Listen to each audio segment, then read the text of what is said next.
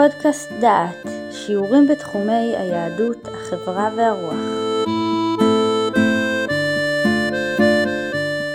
ברוכים הבאים לפודקאסט דעת, לקורס דילמות מוסריות. אנחנו עכשיו במפגש השביעי, והנושא שנעסוק במפגש זה הוא קידוש השם אל מול האיום הנוצרי. אנחנו מגיעים עכשיו לדילמות רוחניות, גזרות השמד ומוות על קידוש השם, ובלבד שלא להתנצר או לעבור טקס הטבלה נוצרי.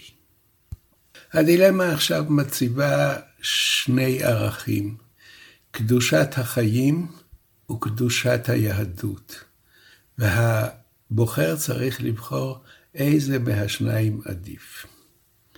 מסעי הצלב היו סדרה של מלחמות דת ומסעות צבאיים שיזמו האפיפיורים הנוצריים בין המאה ה-11 למאה ה-13. הם החלו כאשר הם ניסו לכבוש את ירושלים מן המוסלמים ולהביא את ירושלים תחת שלטון נוצרי. הרקונקיסטה, שבה כבשו הנוצרים בחזרה את ספרד מידי המוסלמים. מסעות צלב נגד האומות הלא נוצריות בצפון אירופה, כגון הליטאים, ומסעות נגד נוצרים, היו במוקד מסעי הצלב. אנחנו נתעסק עם מסע הצלב הראשון, שכוון נגד היהודים.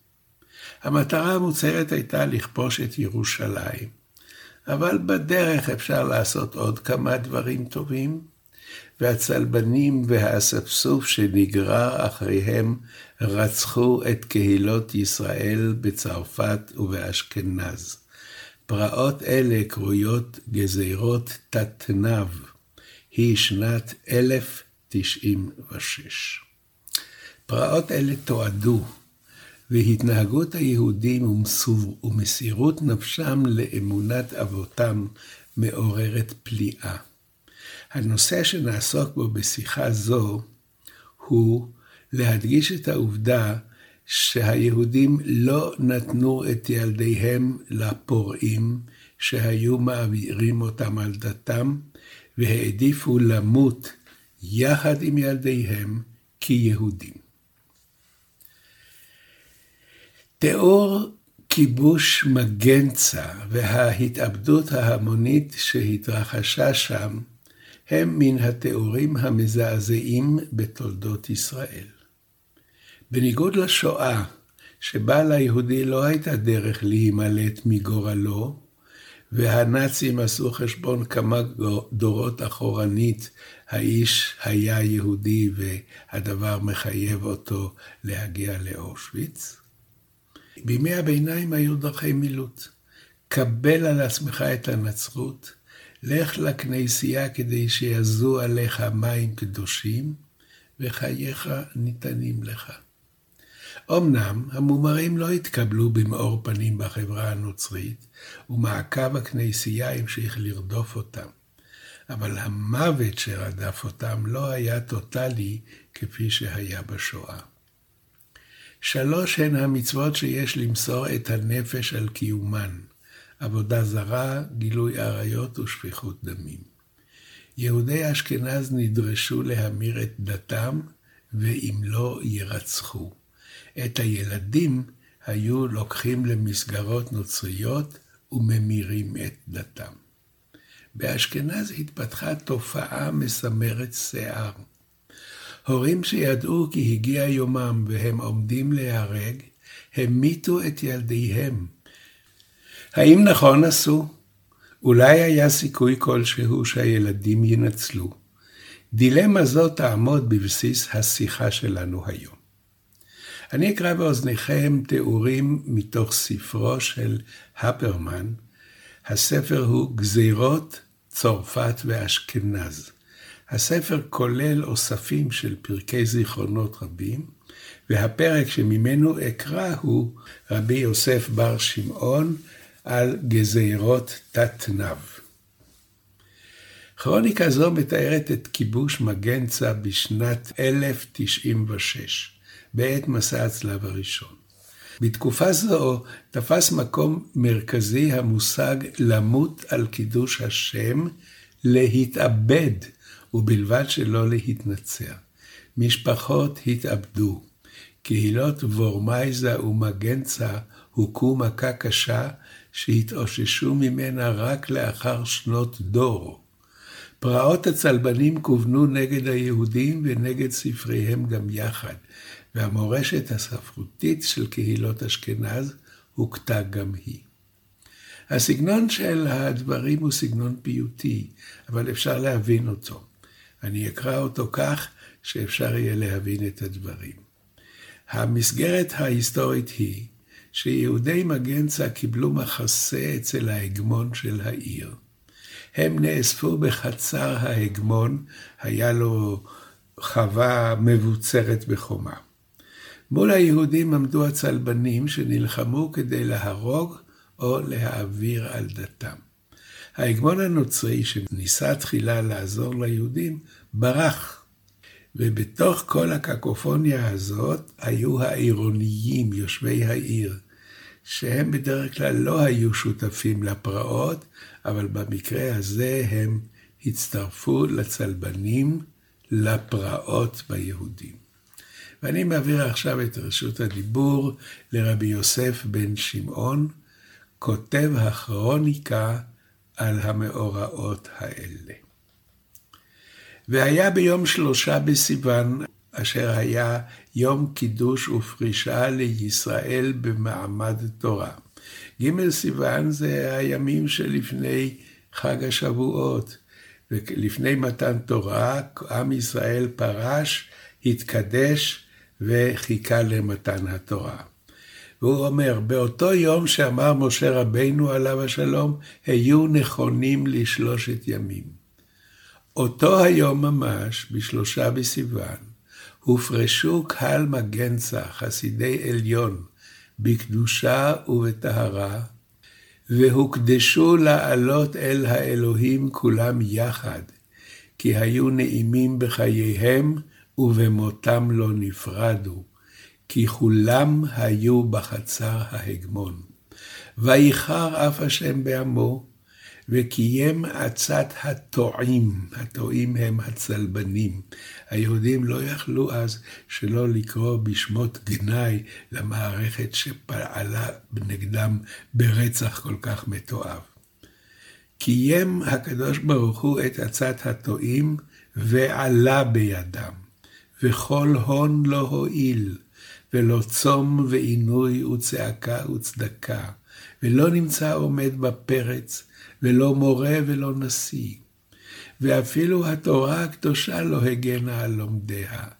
עיר תהילתי, קריית מסוסי, אשר אין לכתוב רוב מעשים אשר היו בה מימות עולם. במקום אחד תורה וגדולה ועושר וכבוד וחוכמה וענווה ומעשים טובים, ועתה נבלעה חוכמתם. והיו לכליה כבני ירושלים בחורבנם. והוא ממשיך ומתאר את כיבוש מגנצה על ידי מנהיג הצלבנים עמחו וכנופייתו. ויהי בחצי היום ויבוא עמחו הרשע צורר היהודים, הוא וכל חילו על השער, ויפתחו לו העירונים השער. העירונים שבדרך כלל היו נוטרלים, פתחו לו את השער. ויאמרו אויבי השם איש אל רעהו, ראו, כי פתחו לנו השער. עתה ננקום דמי התלוי, את נקמת ישו. וכאשר ראו בני ברית קודש שהיו שם, הקדושים יראי עליון, את ההמון הרב, חיל גדול, כחול אשר על שפת הים, דבקו בבואם. ואז לבשו שריונים וחגרו כלי מלחמתם מגדולים ועד קטנים. אנחנו שומעים כאן על התנגדות צבאית מצד היהודים. ואיש ישראל חלצו איש כלי זינו בחצר הפנימי של ההגמון. ויקרבו כולם אל השער להילחם עם הטועים, הצלבנים, ועם העירוניים. וילחמו אלו כנגד אלו אל תוך השער, וגרמו העוונות, וניצחום האויבים, ולכדו את השער. ותכבד יד השם על עמו, ויאספו כל הגויים על היהודים שבחצר להכרית מהם שם. ורפו ידי עמנו כראותם יד אדומי הרשעה תקיפה עליהם. וגם אנשי ההגמון אשר הבטיחום לעזרה, הם נסו תחילה כדי להסגירם ביד האויבים, כי קנים רצוצים הם עליהם. וגם ההגמון עצמו ברח מן התועבה שלו, מן הכנסייה.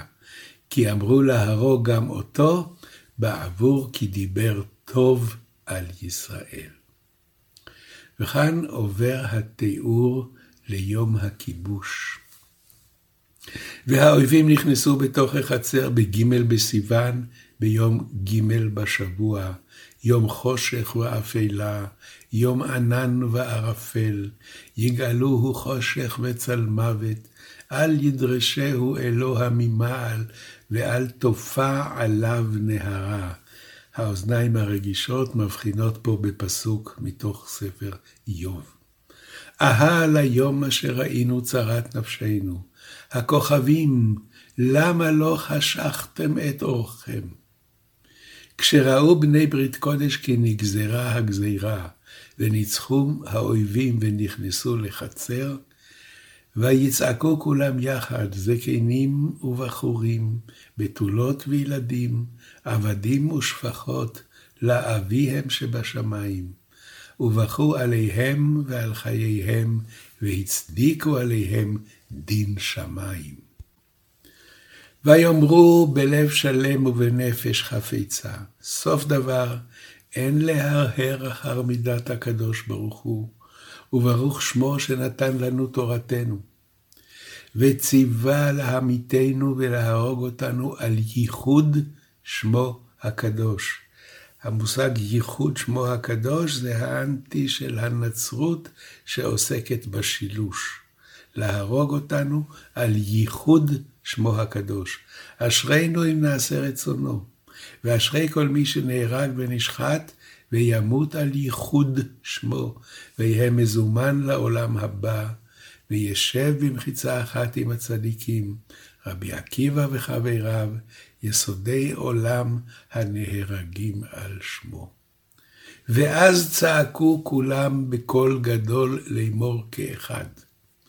מעתה אין לנו לעכב יותר, כי האויבים כבר באים עלינו. נלך במהרה, נעשה ונקריב עצמנו קורבן לפני השם. וכל מי שיש לו מאכלת, יבדוק אותה שלא תהא פגומה, ויבוא וישחט אותנו על קידוש יחיד חי העולמים, ואחר כך ישחט את עצמו בגרונו או ידקור הסכין בבטנו. ושם חגרו נשים בעוז מותניהן, וישחטו בניהן ובנותיהן, וגם את עצמם.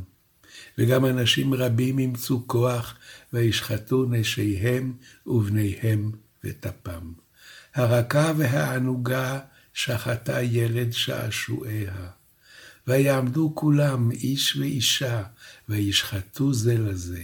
הפתולות וכלות וחתנים הביטו בעד החלונות, וצעקו בקול גדול.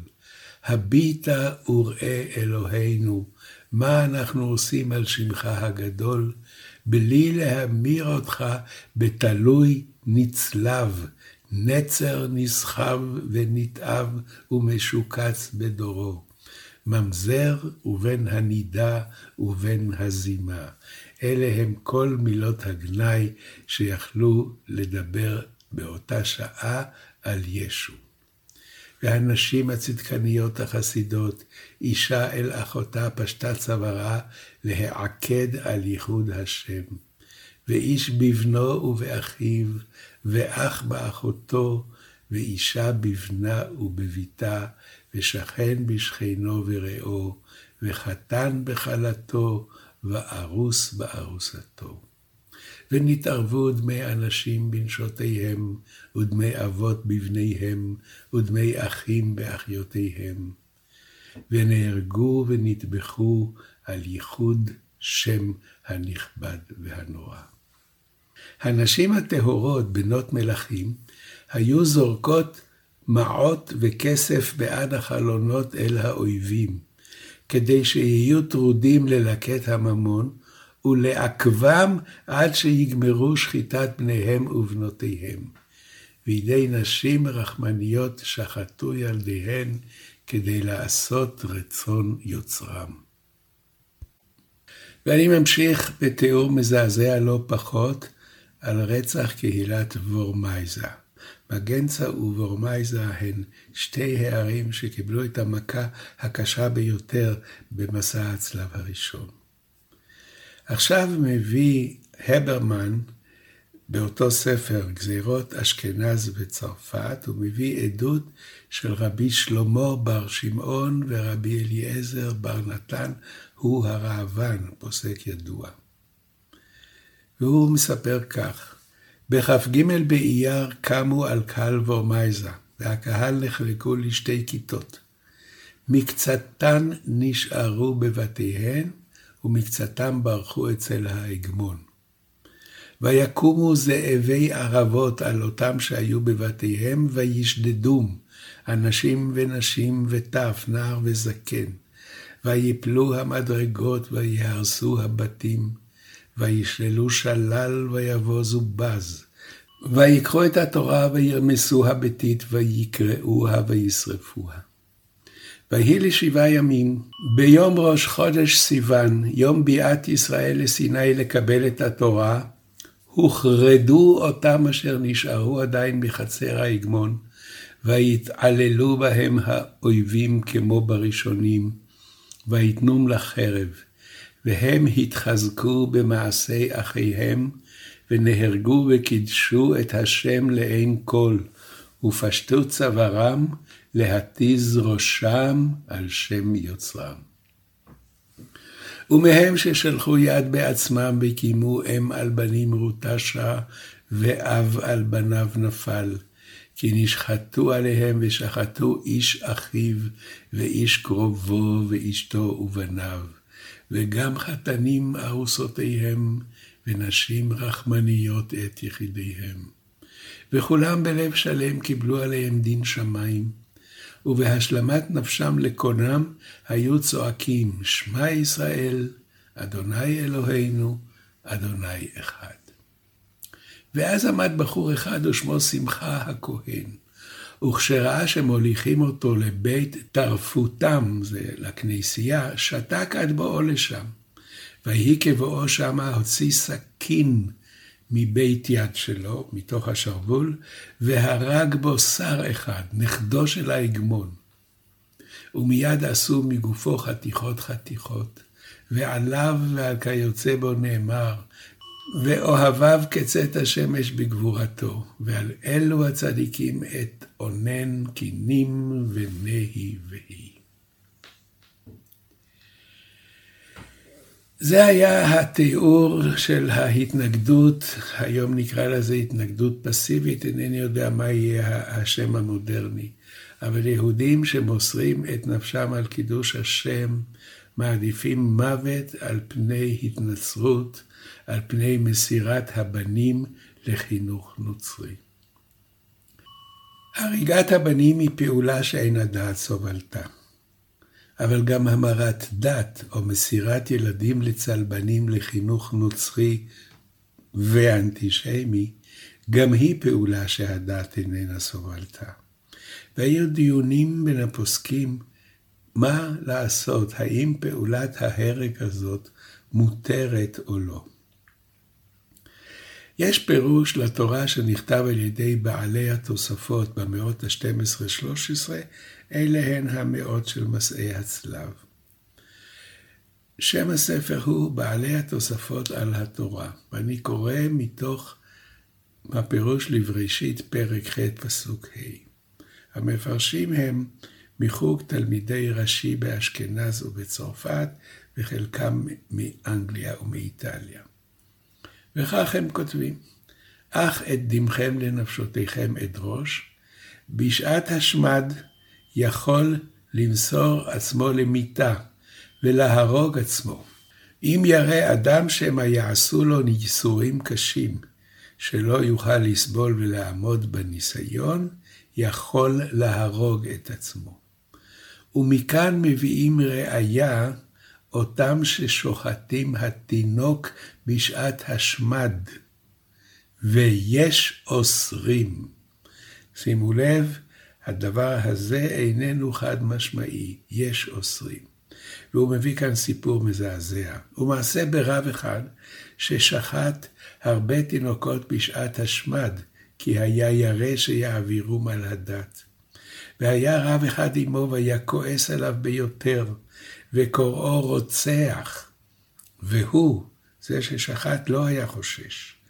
ואחר כך התבטלה הגזירה, ואם לא היה שוחט את אותם התינוקות, היו ניצלים. אם כן, הדילמה פה קיימת כל הזמן. מהו הרגע שממנו אין חזרה יותר? שבאותו רגע אתה מחליט, החיים חשובים פחות מהאלטרנטיבה.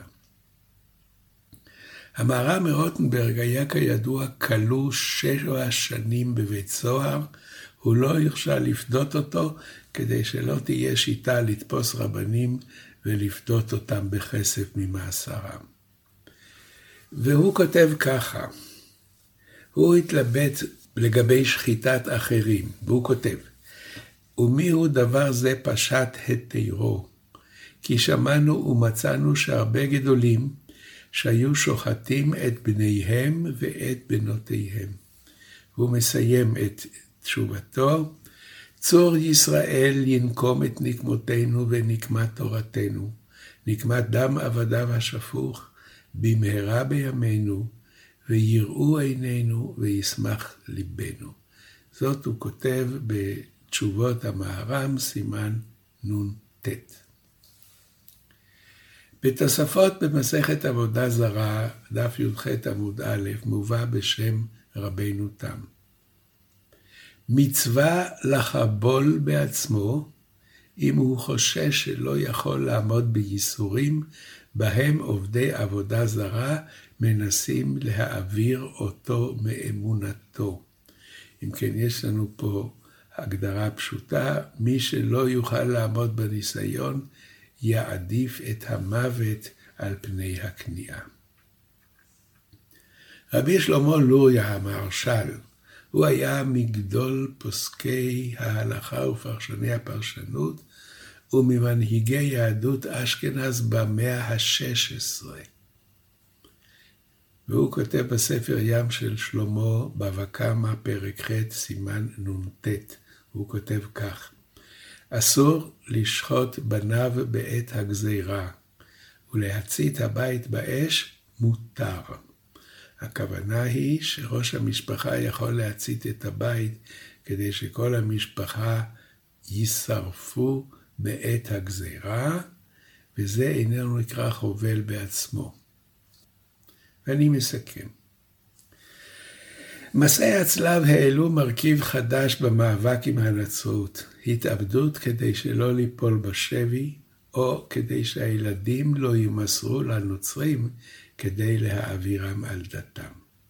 התיאורים ששמענו כאן הם נוראים, אבל נזכור שהדילמה שעמדה בפני היהודים שהוקפו על ידי הצלבנים, שהיו רבים מהם ומאומנים יותר למלחמה, והם מחזיקים בנשק, האפשרות לא הייתה לצאת למרד, האפשרות הייתה להמיר את הדת או להעדיף את המוות.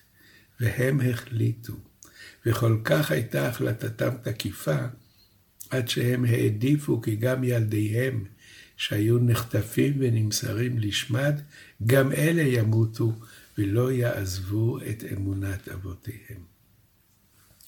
זוועות אלה רדפו את עם ישראל לאורך הדורות, וגם בימים אלה, לאחר הקמת מדינת ישראל, אנטישמיות ופגיעה ביהודים איננה מרפה מאיתנו, והאפשרויות הן להיאבק, להתעקש ולהילחם על יהדותם. ויש שבוחרים בדרך אחרת, כפי שנאמר ליהודי צרפת בעקבות האנטישמיות שם, להצניע את היותם יהודים, להתנהג כאנוסים. בשיחה הבאה אנחנו מעבירים את הנושא לדור השואה. שמעתם שיעור מתוך הקורס דילמות מוסריות, מאת פרופסור יהודה אייזנברג. את הקורס המלא וקורסים נוספים תוכלו לשמוע באתר דעת במדור פודקאסט.